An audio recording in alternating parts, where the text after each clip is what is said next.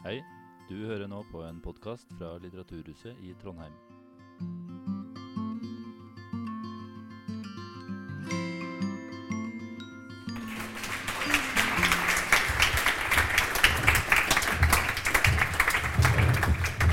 Ja, Vårt eh, kjemiske liv heter boka, og den handler altså om eh, miljøgiftene rundt oss.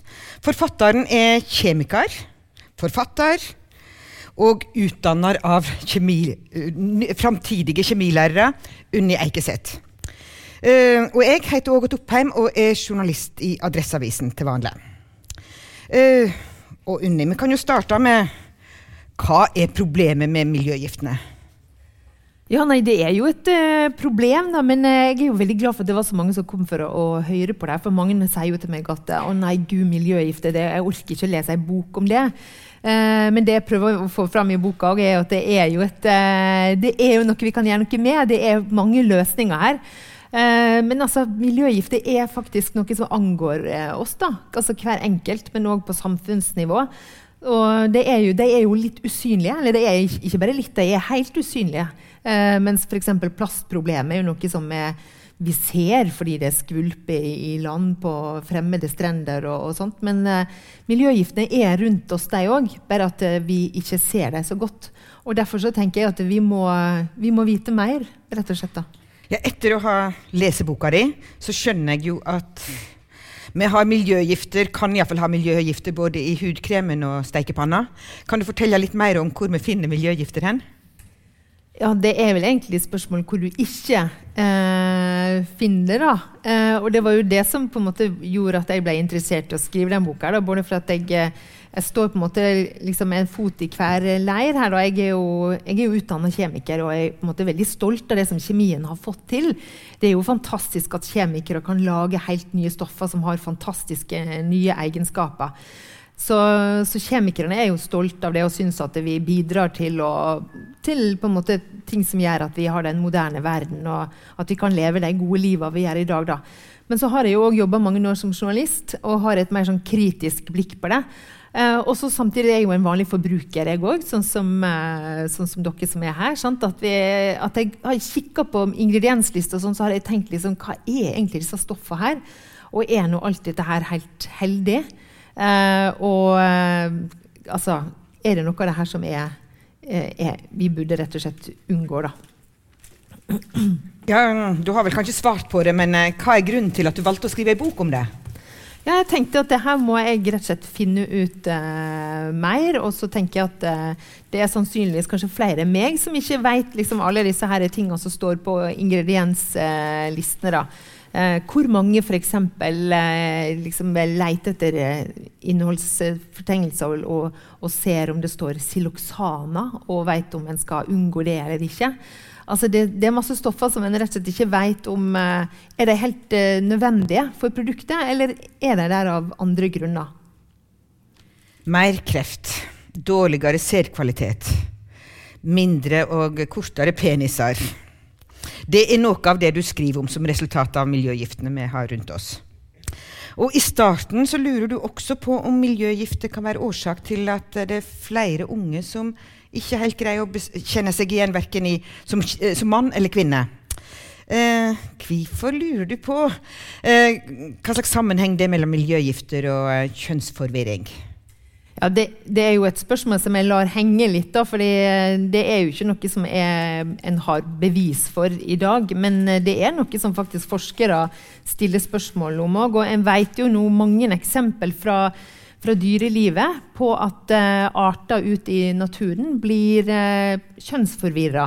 Uh, det finnes det jo mange eksempler på. Jeg skriver jo om eh, et eh, eksempel i boka da, med en, eh, en liten sjøsnegle som, eh, der hoene utvikla eh, penis, rett og slett. Eh, og, og det her førte jo til at disse her sneglene etter hvert forsvant på veldig mange plasser. fordi til slutt så grodde rett og slett, I det verste tilfellet så gror egglederen helt igjen. Og når dyret skal legge egg, så går det ut ryggen istedenfor, og, og dyret sprekker opp og dør. da. Um, og det fins mange eksempel på frosk, fugler, alligator altså, uh, og andre sjølevende organismer. Så, så det er mange eksempel fra naturen. Og det og da er det en del forskere som stiller spørsmål måte hva slags, hva slags effekter har det at vi f.eks. har mange hormonhermende kjemikalier eh, i, eh, ja, i produkter som vi omgir oss med, og når f.eks. foster blir eh, utsatt for det òg.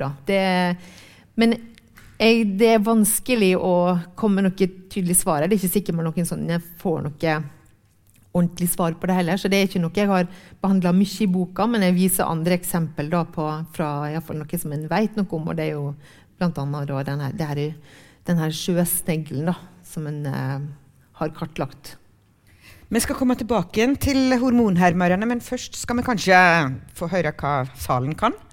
Eh, kan jeg få opp ei hånd på hvem vet at miljøgiftene er på topp tre av miljøproblemer sammen med klima- og naturtap. Det var én, tror jeg. Kanskje to. Så det, det, her er nytt for folk.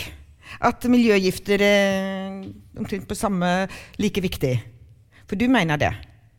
Ja, det er ikke jeg som sier det heller. Det er jo FN som, eh, og regjeringa eh, sier òg det. Da. Så det er et helt klart stort, eh, en stor utfordring. da. Skal vi stille et spørsmål til til dere? Eh, hvor mange leser ingredienslista på, eh, når de kjøper en krem, f.eks.? Mm. Fem-seks stykk, noe sånt? Eh, og det bør en gjøre, mener du? Eller? Ja, en, eh, men det er klart jeg må vite hva en skal se etter òg, for ellers er det jo gresk. Um, hva sa du? Eller kjemi, ja. ja. ja, ja, latin. Ja. Mm. Og eh, så er det, et, ut, er det et stoff som heter siloxan. Hvor mange styrer unna det? Det må vi komme tilbake igjen til. Det skal vi love dere at vi skal komme tilbake igjen til siloxan. Og, et spørsmål til før vi fortsetter. Hvor mange vet at det er hormonhermere i hermetikkboksen? Eh, her har vi mye å lære. jeg er redd for at jeg, jeg hadde vært blant de som ikke hadde rekt opp hånda her. Um, en del miljøgifter er hormonhermere under. Og du skriver at hormonhermere er ekstra skumle fordi de nødvendigvis ikke oppfører seg slik som, slik som er vane med at andre stoff gjør. Um, de er ikke nødvendigvis farligere de større doser vi tar. Kan du uh, si litt mer om det? Ja, og det her er jo noe som eh, jeg har jo hørt mye snakk om sjøl før jeg begynte å skrive den boka om disse her hormonhermerne. Og jeg var litt usikker sjøl på hva det egentlig er, eh, ja, hva som er så skummelt med det. da. Um, men altså, poenget med hormoner sant, er jo det at de virker i helt uhyre små konsentrasjoner. Eh, en måler jo det som regel altså, i pikogram. Da snakker vi en milliontedel mikrogram. Eh, så, så, hormon har rett og slett en utrolig stor virkning, selv om det er i veldig veldig små konsentrasjoner. Så f.eks. for Forskjellen på når ei kvinne har, eh, ikke har menstruasjon, og når hun har det, da er det forskjellen kan være på rundt 350 pikogram. Så det er, det er jo rett og slett utrolig små konsentrasjoner. Og det er jo et uttrykk som heter at det er dosen som gjør giften. Og den, det uttrykket blir jo gjerne brukt særlig av folk som skal på en måte rettferdiggjøre eller bortforklare, kanskje. Eh, eller, eller um, få oss til å være, ikke bli så nervøse for at det er miljøgifter rundt oss. da. Og det, Da kan det jo høres ut som at eh, hvis, så lenge det er liksom små mengder, sant, så er det ikke noe farlig. Men akkurat med disse hormonhermerne så viser det jo noe mer med forskning at det, det, jo, det, kan rett og slett ha effekt, selv om det er veldig, veldig små mengder. Så han ene forskeren som jeg har intervjua i, i, boka, her, han har jo eh, eh, en som heter Nadal, og som er fra eh, Spania. Han eh, har jo forska på disse cellene som kan skille ut insulin. Og han er jo en av de som har vært med på å sett at eh, den hormonhermen som er på innsida av hermetikkboksa, bisfenol A, den, eh, den virker på disse cellene som da kan frigjøre insulin. Og han har jo sett at det her kan du faktisk få den motsatte effekten. Hvis du har liten konsentrasjon, um, altså så har du på en måte mer effekt enn en litt større konsentrasjon. Fordi på en måte det her får to motsatte effekter i denne cella. Da. Så hormonhermerne de funker rett og slett ikke. De passer ikke inn i denne eh, dosen gjærgifta.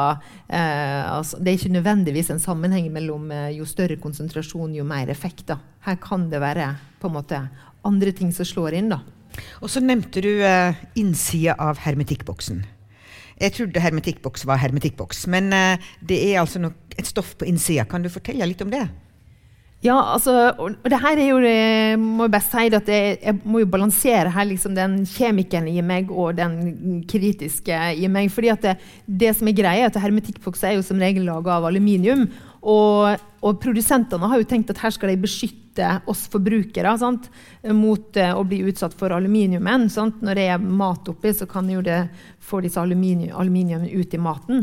Så det er jo i utgangspunktet en, en god idé at de vil beskytte oss mot det. Og Derfor så har de da laga et tynt som plastlag som vi gjerne ikke ser engang. Kanskje ikke har tenkt over det.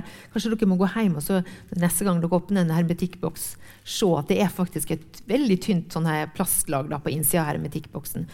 Og det er da bisfenol A som er i det, det plastlaget.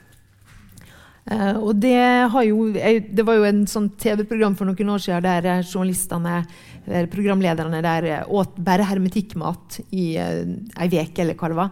Og da så de jo det at uh, nivået deres av bisfenol A i, i, blodet gikk veldig opp da, når de eter bare hermetikkmat. Så så det er et stoff som uh, vi blir utsatt for. Det er òg i det glatte laget på utsida av kassalappene. Altså, det er rett og slett uh, mange plasser. Så, og det kom jo ny forskning nå i, i, år. Så har det jo kommet to rapporter som har vist at norske barn og unge bl.a. har veldig høye nivå av bisfenol A i, i, kroppen, og at det er over det som er tålegrensen. Jeg tror det var 99 av de av de rundt 700 ungene som var med i studien, som hadde høye nivå av bisfenol A. Er det noen som, vet, eh, som tror de vet hvorfor de har så høye nivå av det? Altså det er jo fordi det, vi blir utsatt for det i så veldig mange ulike produkter. Så selv om dette er et stoff som blir, det blir bråtet ned i kroppen, da, men eh, poenget er at vi får stadig påfyll. på en måte, Og da holder nivået seg jevnt på et, eh, ja, et visst nivå. da. Kan du si litt mer om andre plasser vi får uh, i oss uh, uh, hormonhermere? Ja, det kan jo f.eks. være i, altså i, i, plastprodukter, i, i kosmetikk. Så det er, jo, det er, jo, stoffer som er tilsatt der fordi at produsentene skal gjerne gi en eller annen effekt. Og så er det jo en bieffekt at det er en hormonhermer.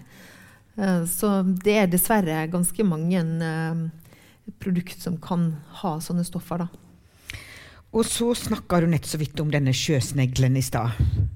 Um, det handler altså om hormonherming. Kan du si uh, hva slags stoff som, som påvirker sjøsneglen? Ja, altså det her var jo på, eh, på 60-tallet at det var et nytt uh, stoff som ble brukt uh, til å bekjempe sånn groing, på, særlig på skroget på båter. da var det et stoff som heter tributyltin, som ble brukt i tonnevis. Fordi det var så effektivt rett og slett til å, til å hindre at rur og andre organismer på en måte vokser på båtskroget. Men så var det jo at det viste seg etter hvert at det, det skjedde jo da merkelige ting med bl.a. denne sjøsneglen som heter purpursnegle. Som høres litt eksotisk ut, men som er en vanlig snegle i, uh, i fjæra i Norge. Som lever gjerne på steinene litt lenger ute i fjæra. Med gjerne sånn litt sånn kvitt den, den er jo ikke purpurfarga. Det er bare fordi den brukt, ble brukt til å lage purpurfarge. Det er derfor den har det navnet. Så da begynte forskerne å se at hva i alle dager, hvorfor har hoene her eh, penis? Eh, og det var rett og slett noe som skjedde pga. denne her miljøgifta, tributyltin. Og det viser seg at denne purpursneglen er tydeligvis veldig veldig, veldig var for denne miljøgiften. Så det, det var på en måte nok at liksom et skip hadde seila forbi, eller vært på en måte i det miljøet til denne sneglen da, i et døgn så var det nok til at, her, eh, til at den fikk en sånn eh, effekt da, av eh, den hormonhermen. Da. Og så skriver du at de slutta med dette stoffet. Hva skjedde da? Ja, og det syns jeg er en håpefull historie her, som jeg derfor òg tar i starten av boka, for å vise at når da verdenssamfunnet ble klar over hvilket problem denne her eh, miljøgifta eh, gjorde, både i den purpursneglen, men det var veldig mange andre organismer som, som fikk problemer, bl.a. østers. Eh, så østersprodusentene oppdaga jo òg det her. Da. Så da klarte en jo å handle og få på plass globale forbud. Så nå er jo den, eh, det her stoffet forbudt. Eh, heldigvis. Så det viser jo at måte, når vi finner ut av et sånt problem, så kan vi eh, gjøre tiltak. Og, og, nå er jo den eh, Purpursneglen er jo nå friskmeldt. Så det er jo kjempefint. Det viser jo på en måte at det her er det mulig å gjøre noe med òg, da. Men det kan jo også si at til når den sjøsneglen altså det var jo så tydelig eksempel mens uh, veldig mange miljøgifter det er jo litt mer sånn ullent. Hvilke effekter gir det på oss, egentlig? Um, og, men sannsynligvis da, så mener en jo at man, veldig mange av miljøgiftene som vi omgir oss med, rett og slett øker risikoen vår da, til som du nevnte i starten her, sant? altså økt risiko for kreft, økt risiko for fedme, eh, diabetes, eh, mindre fertilitet. Så, sånn at det kan ha i fall en effekt på samfunnsnivå. Eh, kanskje vi ikke kan si liksom, på hver enkelt av oss hvilken effekt det har, men på samfunnsnivå så kan det ha noe å si for vår eh, helse. Da. Hva mener du med samfunnsnivå sammenlignet med for, for, hver enkelt av oss? Ja, altså... For alle forskerne som jeg har snakka med her, de er jo veldig opptatt av å si det, at det, at det er sjelden at en kan si at, uh, at det at ja, om jeg nå skulle utvikle kreft, så er det vanskelig å si at det var akkurat at, det, at jeg hadde spist eh, masse hermetikkmat sant, som var årsaken til det. Så det er vanskelig å peke på effekter på individnivå. Men på samfunnsnivå så er jo på en måte forskerne enige om at det øker risikoen da, for disse her ja, for en god del sykdommer. og sånt da. Men så er det jo litt viktig å huske på selvfølgelig at det er jo andre ting som vi eh, selvfølgelig kan gjerne ikke med. Eh, og, da, altså, og, det er jo større risikoer. Altså, det med røyking og eh, dårlig kosthold og lite aktivitet og sånne ting. Vi må jo huske på at det er selvfølgelig selvfølgelig en risiko. Men likevel, like fullt, miljøgiftene har jo òg en risiko. Da. Så det, som vi òg kan da, på samfunnsnivå være med å bestemme hvordan vi vil ha det. Og vil vi at det skal være sånn at eh, produkter vi bruker, skal da inneholder sånne stoffer som, eh, som, er uheldige. Og det tenker jeg at vi, vi, må både ha kunnskap om det, og vi må være med å bestemme at nei, sånn vil vi ikke ha det. Jeg har eh, vært hjemme og henta litt søppel. Eh, som jeg tipper at mange av dere andre også har hjemme. Ja, disse her Yoghurt. kjenner igjen. Eh, her er låket til yoghurtboksen. Uh, en sånn flaske med vaskemiddel. Eh, en ost. Dette her er plast, og vi har jo tenkt mye på plast som eh, og, og denne posen. Ja. Også posen plast. Ja. Eh, vi har jo tenkt at dette her er problem når det blir søppel. Men det er også et problem når det gjelder miljøgifter. Fortell. Ja, så En av forskerne som jeg har snakka med i boka da, eh, for Jeg har jo snakka med veldig masse folk. Det er jo eh, masse folk som har peiling på det her. Eh, og en som jeg snakka med, han sa at det verste med plast er det du ikke ser, sier han. Og det syns jeg var ganske oppsikt, oppsiktsvekkende at han sa. Men altså, det handler jo rett og slett om det at uh, nå får vi stadig mer kunnskap at, om at, uh, at i den plasten her, da, så er det faktisk mange eh, stoffer som er uheldige. det er jo bl.a. forskning som er gjort på, på, NTNU av en som heter Martin Wagner, blant annet, som viser det at eh, sjøl plast som skal på en måte, vi, vi regner som trygg fordi den skal være i kontakt med mat. Ikke nødvendigvis er det faktisk. fordi når jeg gjør det og prøver, legger plasten i vann over en tid og analyserer på en måte stoffene som kommer ut av det, så viser det seg at det like gjerne faktisk kan være plast som skal være i kontakt med mat, som da inneholder masse stoffer som vi ikke vet hva er, men som viser seg å være på en måte giftige for celler, og som viser seg også at det kan være hormonhermannere. Så så det sier jo noe om at det er ikke sikkert egentlig heller at det som produserer den plasten her, har full oversikt over hva som er med i den plasten. Og det, egentlig så gir det faktisk litt mening når jeg tenker som, som kjemiker. Da, for jeg vet jo det at når du gjør en kjemisk reaksjon, som du gjør når du lager plast, så blir det jo gjerne laga noen biprodukter òg. Og de følger nok med i plasten. Og det er det de begynner å, å snakke mer om her. At det er nok veldig masse stoffer som de i det hele tatt ikke engang heller kan identifisere. Fordi de bare følger med, og kanskje ikke produsenten heller har full oversikt over hva som er der. da. Så Derfor så er det jo lurt å egentlig ja, prøve å begrense bruk av plast så mye som mulig. da. Selv om altså selvfølgelig jeg, jo, jeg kjøper produkter i plast, jeg òg. Altså. Eh, så jeg tenker jo at vi må ikke bli mørkeredde av det her. Eh, men det er noe med at på, som sagt, på samfunnsnivå så må vi kanskje, kanskje vi kan kreve litt mer av de som produserer plasten. da. Og f.eks. spørre om de kan lage en merking som viser oss hvilken plast som, som inneholder eh, miljøgifter og ikke, f.eks. Nå har jo jeg spist noe av det som har vært oppi her. Eh, hva kan jeg regne med å få av dette? Nei, igjen så tenker jeg at vi skal ikke jeg, jeg, prøver å, å hele tida balansere dette her. Altså jeg tenker at vi må ikke bli, må ikke bli helt uh, mørkeredde og, og, ikke tørre å kjøpe noe i, i plast. Og som sagt, på individnivå sant, så kan vi ingen si på en måte at det at du ja, spiste det, den yoghurten her, at det hadde noe effekt på deg. da. Men det er som sagt på et større nivå, samfunnsnivå, så kan jo vi eh, kanskje være med oss og si litt hvordan vi ønsker å ha det. da. Mye av dette her er jo ting som har vært mat i. Eh, er det bedre med det her som har vært vaskemiddel i? Eller bruk av plast til vaskemiddel? Eller er det samme? Ja, altså Det er jo selvfølgelig ting som vi et. Det, det er jo eh, Ja, det havner jo selvfølgelig inn i, i kroppen, da. Så det er jo da det er jo egentlig et poeng tenker jeg, at vi burde, burde kunne forvente at den plassen er eh, fri for miljøgifter. Og det tror du ikke at vi kan forvente i dag? Iallfall ifølge en del av den forskninga som jeg har sett nå, så kan ikke vi være helt trygge på det, faktisk.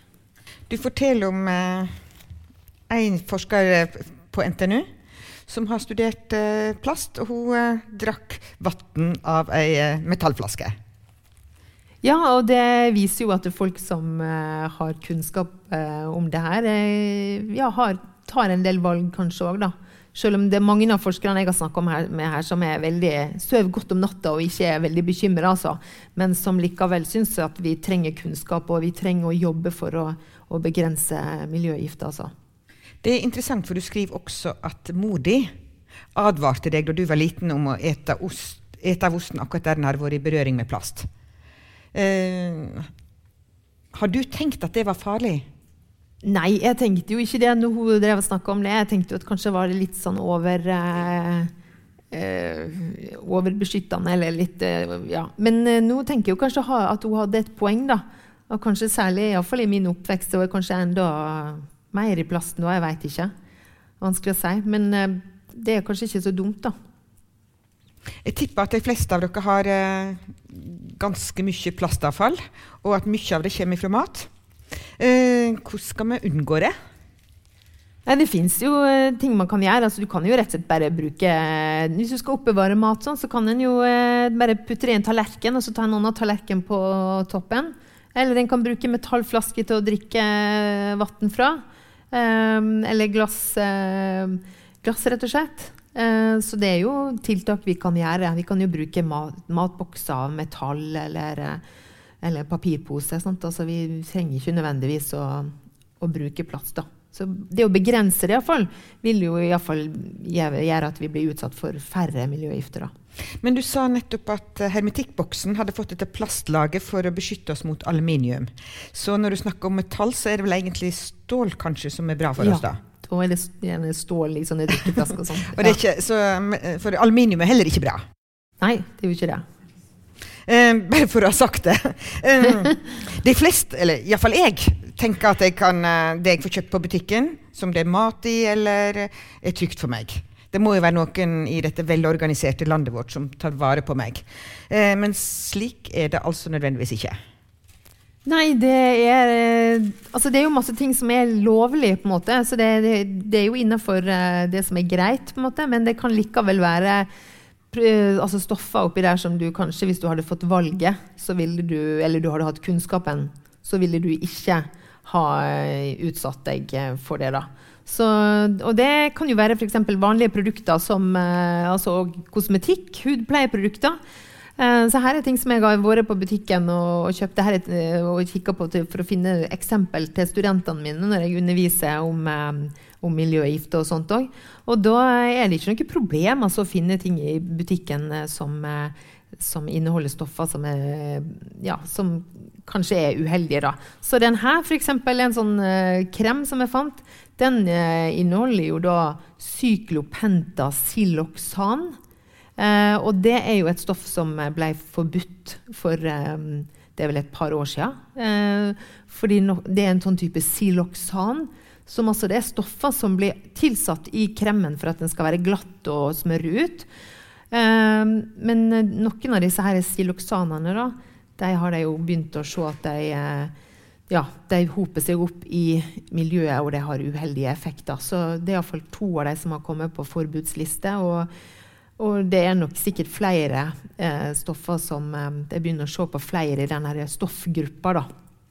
Og eh, tenker at jeg, jeg, må følge med på dem fordi de begynner å hope seg opp i naturen. Og da er det et klart faretegn hvis ting hoper seg opp og ikke forsvinner, så uh, er det et, tegn på at det kan uh, altså, Da får det som regel en negativ effekt på miljøet òg, da. Det er ganske mange forskjellige stoff, og du uh, skriver om mange forkortelser i denne boka. Bakerst så har du òg en oversikt over forskjellige stoff, men et av de stoffene du skriver om, er PFAS. Um, og der skriver du at kanskje menn bør være ekstra urolige for dette stoffet. Ja, eller egentlig så bør vi vel være urolige for det stoffet alle sammen. og Det er jo derfor òg heldigvis norske myndigheter har jo foreslått å forby hele den der stoffgruppa der. Eh, så forhåpentligvis kan jo det, det tre i, i kraft. For det er jo ei stoffgruppe som inneholder rundt 10 000 forskjellige stoff. Og bare forresten, det tallet der har jo jeg tror når jeg starta å skrive boka, så sto det på Miljødirektoratet sine sider så sto det vel at det var ei svær stoffgruppe med rundt 6500 eh, stoffer. Men så når jeg da leverte inn manus eh, siste gang, så var det jo økt til 10 000. Så det er bare det er kjempemange. Hvor lang periode var det? Ja, Det var jo tre år, da, kanskje. Så, så det er en veldig stor stoffgruppe. Og det, det der òg er jo en type stoff som da disse her helt ferske rapportene fra Folkehelseinstituttet viser at norske barn og unge har eh, da eh, nivå av, høynivå av PFAS i kroppen. Så jeg tror det var en sånn studie fra Bergen med 1000 barn og unge. Og da fant jeg vel i alle de her 1000 ungene så fant jeg da minst fire forskjellige av disse PFAS-stoffene. Og da hadde de jo bare testa for 19 av de stoffene. Eh, Mens altså det fins 10 000 av dem. og den, det, det stoffet der, det er jo blant annet så vet forskerne, har vist, forskerne vist at det fører til at vi får dårligere effekt av eh, vaksine. Eh, det, og det har og vist å ha økt, effekt, nei, økt risiko for leverkreft hvis man er utsatt for det i litt større mengder. Og så er det jo da i, i Italia Det er jo noen store produksjonsplasser da, for disse her stoffene. Norge jo ikke, vi har jo ikke noe produksjon av det her, men USA, f.eks. Italia, Kina For det er jo flere land der måte, produksjonen foregår. Så i Italia, da, rundt et av disse produksjonsområdene, så har forskerne sett på, på en måte det, helsa til menn da, som bor i nærheten, og så har de sammenligna med noen som bor på en måte langt unna, og som sånn slags sett ei grønn sone, ikke så masse sånn PFAS. Men da har de jo faktisk sett det at uh, menn som bor nærmere, altså i nærheten av produksjonen, de har da både kortere penis og mindre eh, testikkelvolum på en måte enn menn som eh, bor i grønne soner. Så det her har tydeligvis en effekt òg på det mannlige på en måte, reproduksjonssystemet òg, da. Og eh, dette stoffet, men dette stoffet, selv om det ikke blir produsert her, så finner du det i, eh, også her? Ja, ja det, det, er fordi at det er brukt altså, overalt. Så i, altså, i Gore-Tex er et sånn type fluorkarbonstoff, da, som PFAS-stoff. Så det fins i støvler, i regnklær, vanntette klær. Det fins òg i, i pappeske, altså pizzaeske kan det finnes i, fordi det er både vann og, og smussavstøtende. Eh, fettavstøtende. Um, og det kan finnes da, altså, til og med vært brukt i kosmetikk, i vannfast maskara. I kremmer var det ganske vanlig før. Det har, nok blitt mer forbrukermakt. Det har ført til at det har blitt fasa ut i en god del kosmetikk. Men det, var, det fantes òg i sånn type kremmer og sånt eh, tidligere. Uh, så det er rett og slett overalt. Så hun ene forskeren som jeg snakka med i boka, her, hun har gjort og, tatt vannprøver i fjorden, Trondheimsfjorden. Og der fant hun jo disse her stoffene i vannet òg, da. Selv om det, vi har jo ingen produksjon av disse stoffene her. Eh, men eh, like fullt så finnes de i miljøet vårt òg, da. Og da er det grunn til å tro at det kommer ifra at vi vasker Gore-Tex-jakkene våre, f.eks.? Ja, rett og slett sikkert tusenvis av ulike punktkilder, altså forbrukerprodukt altså som vi bruker. Og så har det jo òg vært brukt i, eh, i skismurning. Så det er jo òg forskning her i, i Trondheim der jeg har sett på, har sett på hjernekjemien til mus som, eh, som, lever på en måte rundt i granåsen. Da. Det, det, blir jo liggende igjen, da, denne skismørningen. Sant? Og hva, hvordan påvirker det da artene som lever rundt eh, der den skismurningen blir liggende igjen? Og da jo, har jo hun forskeren som eh, her på NTNU hun har jo sett at det endrer hjernekjemien til mus da, som bor i, i, lever i miljøet der. da. Fluorsmøring er nå forbudt. Men det er ikke Gore-Tex. Og det kan en kanskje ikke tenke seg at det blir heller. Nei, det er jo eh, altså det er iallfall tydeligvis veldig vanskelig for produsentene å finne stoffer som på en måte er like gode. Det er jo selvfølgelig derfor de er så mye brukt òg, fordi de er jo helt fantastiske med tanke på at de er både vann- og fettavstøtende. sant?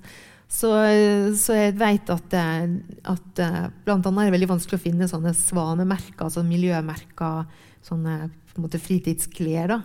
Men der må en jo kanskje bare utfordre vi må kanskje utfordre eh, industrien på at de må faktisk eh, lage nye produkter som er, miljø, eh, som er bra for miljøet. da. Men jeg har jo sett det nå når jeg har vært ute og leita hvis du skal ut og prøve å kjøpe en ny fritidsjakke som er uten der, så er det jo nå en del merking der det står at det her er, fritt for fluorkarbonstoff. da. Så noe fins det jo, da. Um, du har skrevet bok. Hvis vi leser den, så blir vi litt smartere. Men uh, en kan jo òg bli litt stressa og bekymra. Hva bør vi gjøre? Ja, det er jo mange løsninger. Egentlig så har vi jo faktisk veldig gode løsninger allerede. Blant annet så, selv om kjemikerne er litt av årsaken til problemet her, det er jo litt uh, vondt som kjemiker og utdanna måte tenke det. Men så vet jeg jo òg at det er jo kjemikere som har tatt til orde for uh, på en måte nye prinsipper for å unngå det her òg. Så det er jo noe som heter grønn kjemi. Og det er jo egentlig 20 år siden disse her prinsippene ble, da, eh, ble publisert, eller ble, ja, at jeg kom fram til dem. Og der er det jo altså Hvis industrien hadde på en måte blitt utfordra på at de måtte følge de prinsippene, så eh, tenker jeg at da hadde vi jo løst veldig mange av problemene. For der er det jo bl.a. et prinsipp at en skal lage stoffer som blir bråtne ned i naturen eh, på en god måte. Sånn at, ikke, at, vi ikke får sånne nye problemer som disse her fluorkarbonstoffene, som bare aldri forsvinner. Det blir jo kalt for 'forever chemicals', sant? fordi de, det rett og slett er så vanskelig å bryte ned i naturen. Da. Så hvis en kan ha et sånt prinsipp at um, nye, nye kjemikalier som blir innført, faktisk ikke skal bli sånne nye problemer. Det skal kunne la seg bryte ned på en uh, ok måte. Eh, og så bl.a. at en unngår å lage stoffer som har eh, hormonhermende effekt. Og det er jo òg mulig nå. Altså, biologene jo, og toksikologer kan jo hjelpe kjemiindustrien eh, lett med å på en måte unngå å lage nye sånne stoffer. Så, men problemet er vel kanskje rett og slett at, eh, at ja, kjemiindustrien opererer jo ikke etter disse prinsippene ennå. Selv om det er kommet en god del eh, altså reglement og, og, sånt for dem, så er det jo ikke sånn at de må operere etter de her grønne kjemiprinsippene. Nei, for jeg tenkte jo eh, Er det nok å stole på at kjemikerne skal løse dette her? Nei, jeg tror vi må holde dem litt i, i øra. fordi det er klart de det vil jo selvfølgelig være litt som trollmannens læregutt. Og, og, når du liksom oppdager et nytt, fantastisk stoff, så kan jeg jo godt tenke meg det at de syns det er vanskelig å ikke liksom, få det her ut på markedet. Uh, men da er det jo viktig at en må huske på at, det, at vi må måle da, nye stoff ikke bare etter hvor fantastisk egenskap de har, uh, altså sånn rent kjemisk, men at vi òg må tenke på hvilken effekt har det nå på helsa, hvilken effekt har det på miljøet. Altså Vi må ta alt det med i betraktning da, når vi på en måte uh, skal sette karakter på nye stoffer. Og da er det jo nok sånn at en god del stoff som blir laga kanskje noe som blir oppdaga av kjemikere, at de egentlig bare bør bli eh, satt til side på ei hylle og ikke bli tatt i bruk. Da, Men er det mulig naturen. å finne ut dette her før de er tatt i bruk? Altså det, Der foregår jo òg veldig mye forskning. Så der jobber jo, eh, vet forskerne med å prøve å lage en slags sånne eh, tester som en kan gjøre sant, før stoffene blir tatt i bruk. Så, så det går nok an, eh, men der må jo sikkert òg forskerne eh, jobbe med å få på plass gode tester som kan da sjalte ut, passe på at disse her uh, uheldige stoffene ikke når uh, markedet i det hele tatt. Altså. Nei, for Når du f.eks. skriver om uh, disse hormonhermerne i dette bunnstoffet som rammer sjøsneglen, så var jo dette bunnstoffet egentlig et bra miljøtiltak. Fordi at det reduserte bruken, eller behovet for drivstoff. Og Er ikke det slik med veldig mange ting at det, mange av disse her nye oppfinnelsene eller nye kjemiske stoffer vil, er bra for mye? Ja, og det er jo det som er så vanskelig her. da. Så her må en jo hele tida balansere ulike ting opp mot uh, hverandre. Og plastindustrien vil jo selvfølgelig si f.eks. At, de, uh, at de, det er et veldig godt og miljøvennlig produkt. Og det har de jo på mange, eller iallfall klimavennlig produkt. Det vil jo si det. sant at uh, det her er mye mindre, fører til mye mindre utslipp av CO2 sant? enn eh, kanskje en papirpose eller en, en bomullspose. Eller en ja, tilsvarende produkt som den plastposen du hadde her. Sant? Så, mm, men, men, akkurat når det gjelder miljøgifter, så, så, kan de ikke snakke seg helt vekk fra det. Så, men vi må vekte ulike ting opp mot hverandre. Det er det som er litt utfordrende her òg. Men jeg syns jo at som forbrukere så må vi faktisk, sånn som du sa, at du forventer at når du går i butikken, så forventer du at de produktene vi kjøper, er trygge. Og det, det tror jo folk flest. Men, eh, men sant, når det ikke stemmer, så må jo egentlig vi kanskje kreve at noen holder, holder forbrukerne og holder butikkene litt i, i ørene og sørger for at uh, blir fulgt. da, At en ikke slipper ut på markedet stoffer som uh, kan potensielt vise seg da kanskje 10 år eller 20 år etterpå at å nei, søren, det her viser seg å være skikkelig dårlig for miljø og helse. da. Hva er det viktigste budskapet ditt i, uh, i boka? Ja, jeg syns det er viktig å få frem at det er håp, og at vi kan gjøre noe. Så både sånn individuelt så kan vi jo eh, tenker Nå når jeg har, har, lært mye mer, og jeg vet at mange andre som eh, altså Det er ikke noe problem å sette seg inn i en del stoffer som er uheldige. Uh, hvis en bare vet hva en skal se etter. Og da kan en jo sjøl ta noen valg på hvilket produkt kjøper en. Altså når det gjelder bare sånn hudpleieprodukt eller sjampo eller sånt. Uh, og det vet en jo fra forskning faktisk at det kan gjøre at du, du får mindre av disse stoffene i blodet. Så du kan jo gjøre en del individuelle valg som uh, har betydning for deg og, og helsa di, og kanskje helsa til dine barn. på en måte. Uh, men så kan vi jo òg på samfunnsnivå da kan vi være med å bestemme både hvilket produkt kjøper vi Vi kan se etter miljømerka varer. Vi kan sørge for at at det blir eh, mer vanlig i butikkene. Og at eh, kanskje da en må rett og slett sikre at alle stoffer egentlig burde være miljømerka. eller at det er, det er det, som er liksom det sjølsagte. Så jeg tenker at det er, det er, absolutt det er håp. Vi kan gjøre noe. Og jeg, jeg syns det er et veldig bra eh, sånn uttrykk, eh, sitat som jeg òg sier tidlig i boka. da, det er det at eh, håp det krever egentlig at vi ser sannheten i øyet. Så vi må vite først. Eh, altså, ja, vi må vite, vi må ha kunnskap. Eh, og det ligger håp i det. da. Det er klart, Hvis en blir utsatt for miljøgifter, men ikke engang aner at det er der, så får en jo ikke gjort noe med problemet. da.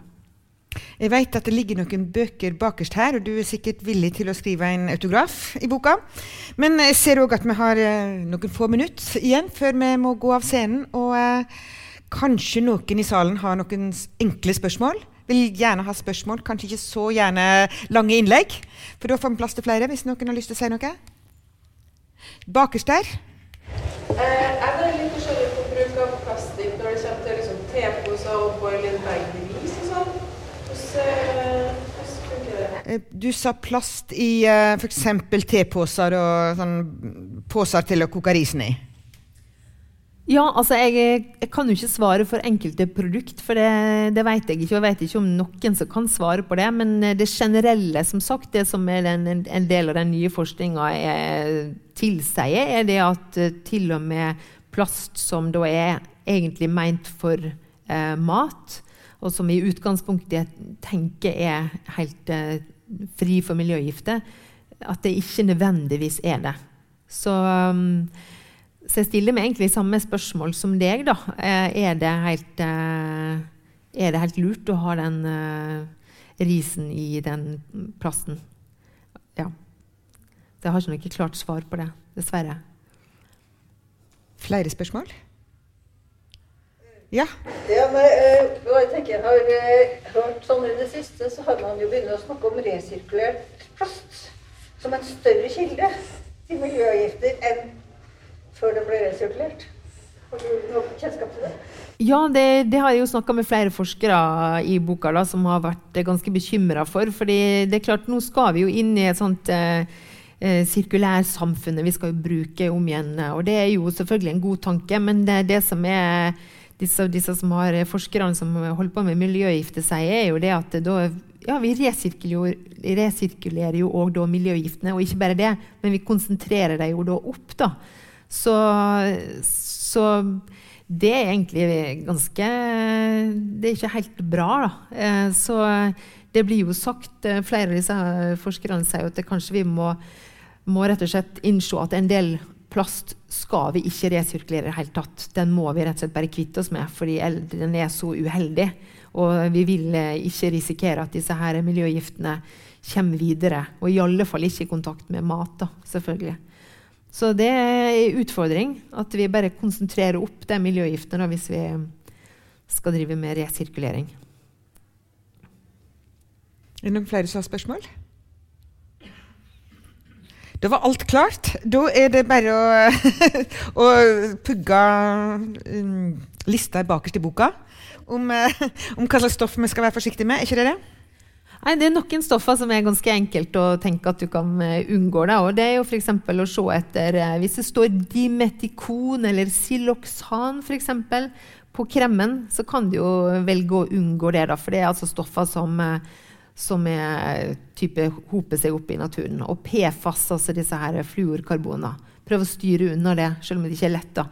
Og så er det et godt tips er det å velge miljømerka varer. Så det er jo fullt mulig å gjøre noe med. Og ellers bare ja, på en måte kreve at vi altså, Vi må jo stemme på de partiene for eksempel, som, som, faktisk har tenkt å gjøre noe med det her og vil, ha, vil at føre-var-prinsippet skal, skal, gjelde. Da.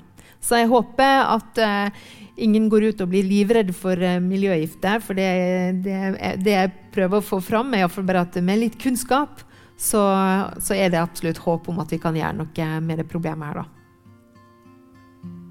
Da kan vi si takk for oss. Mm.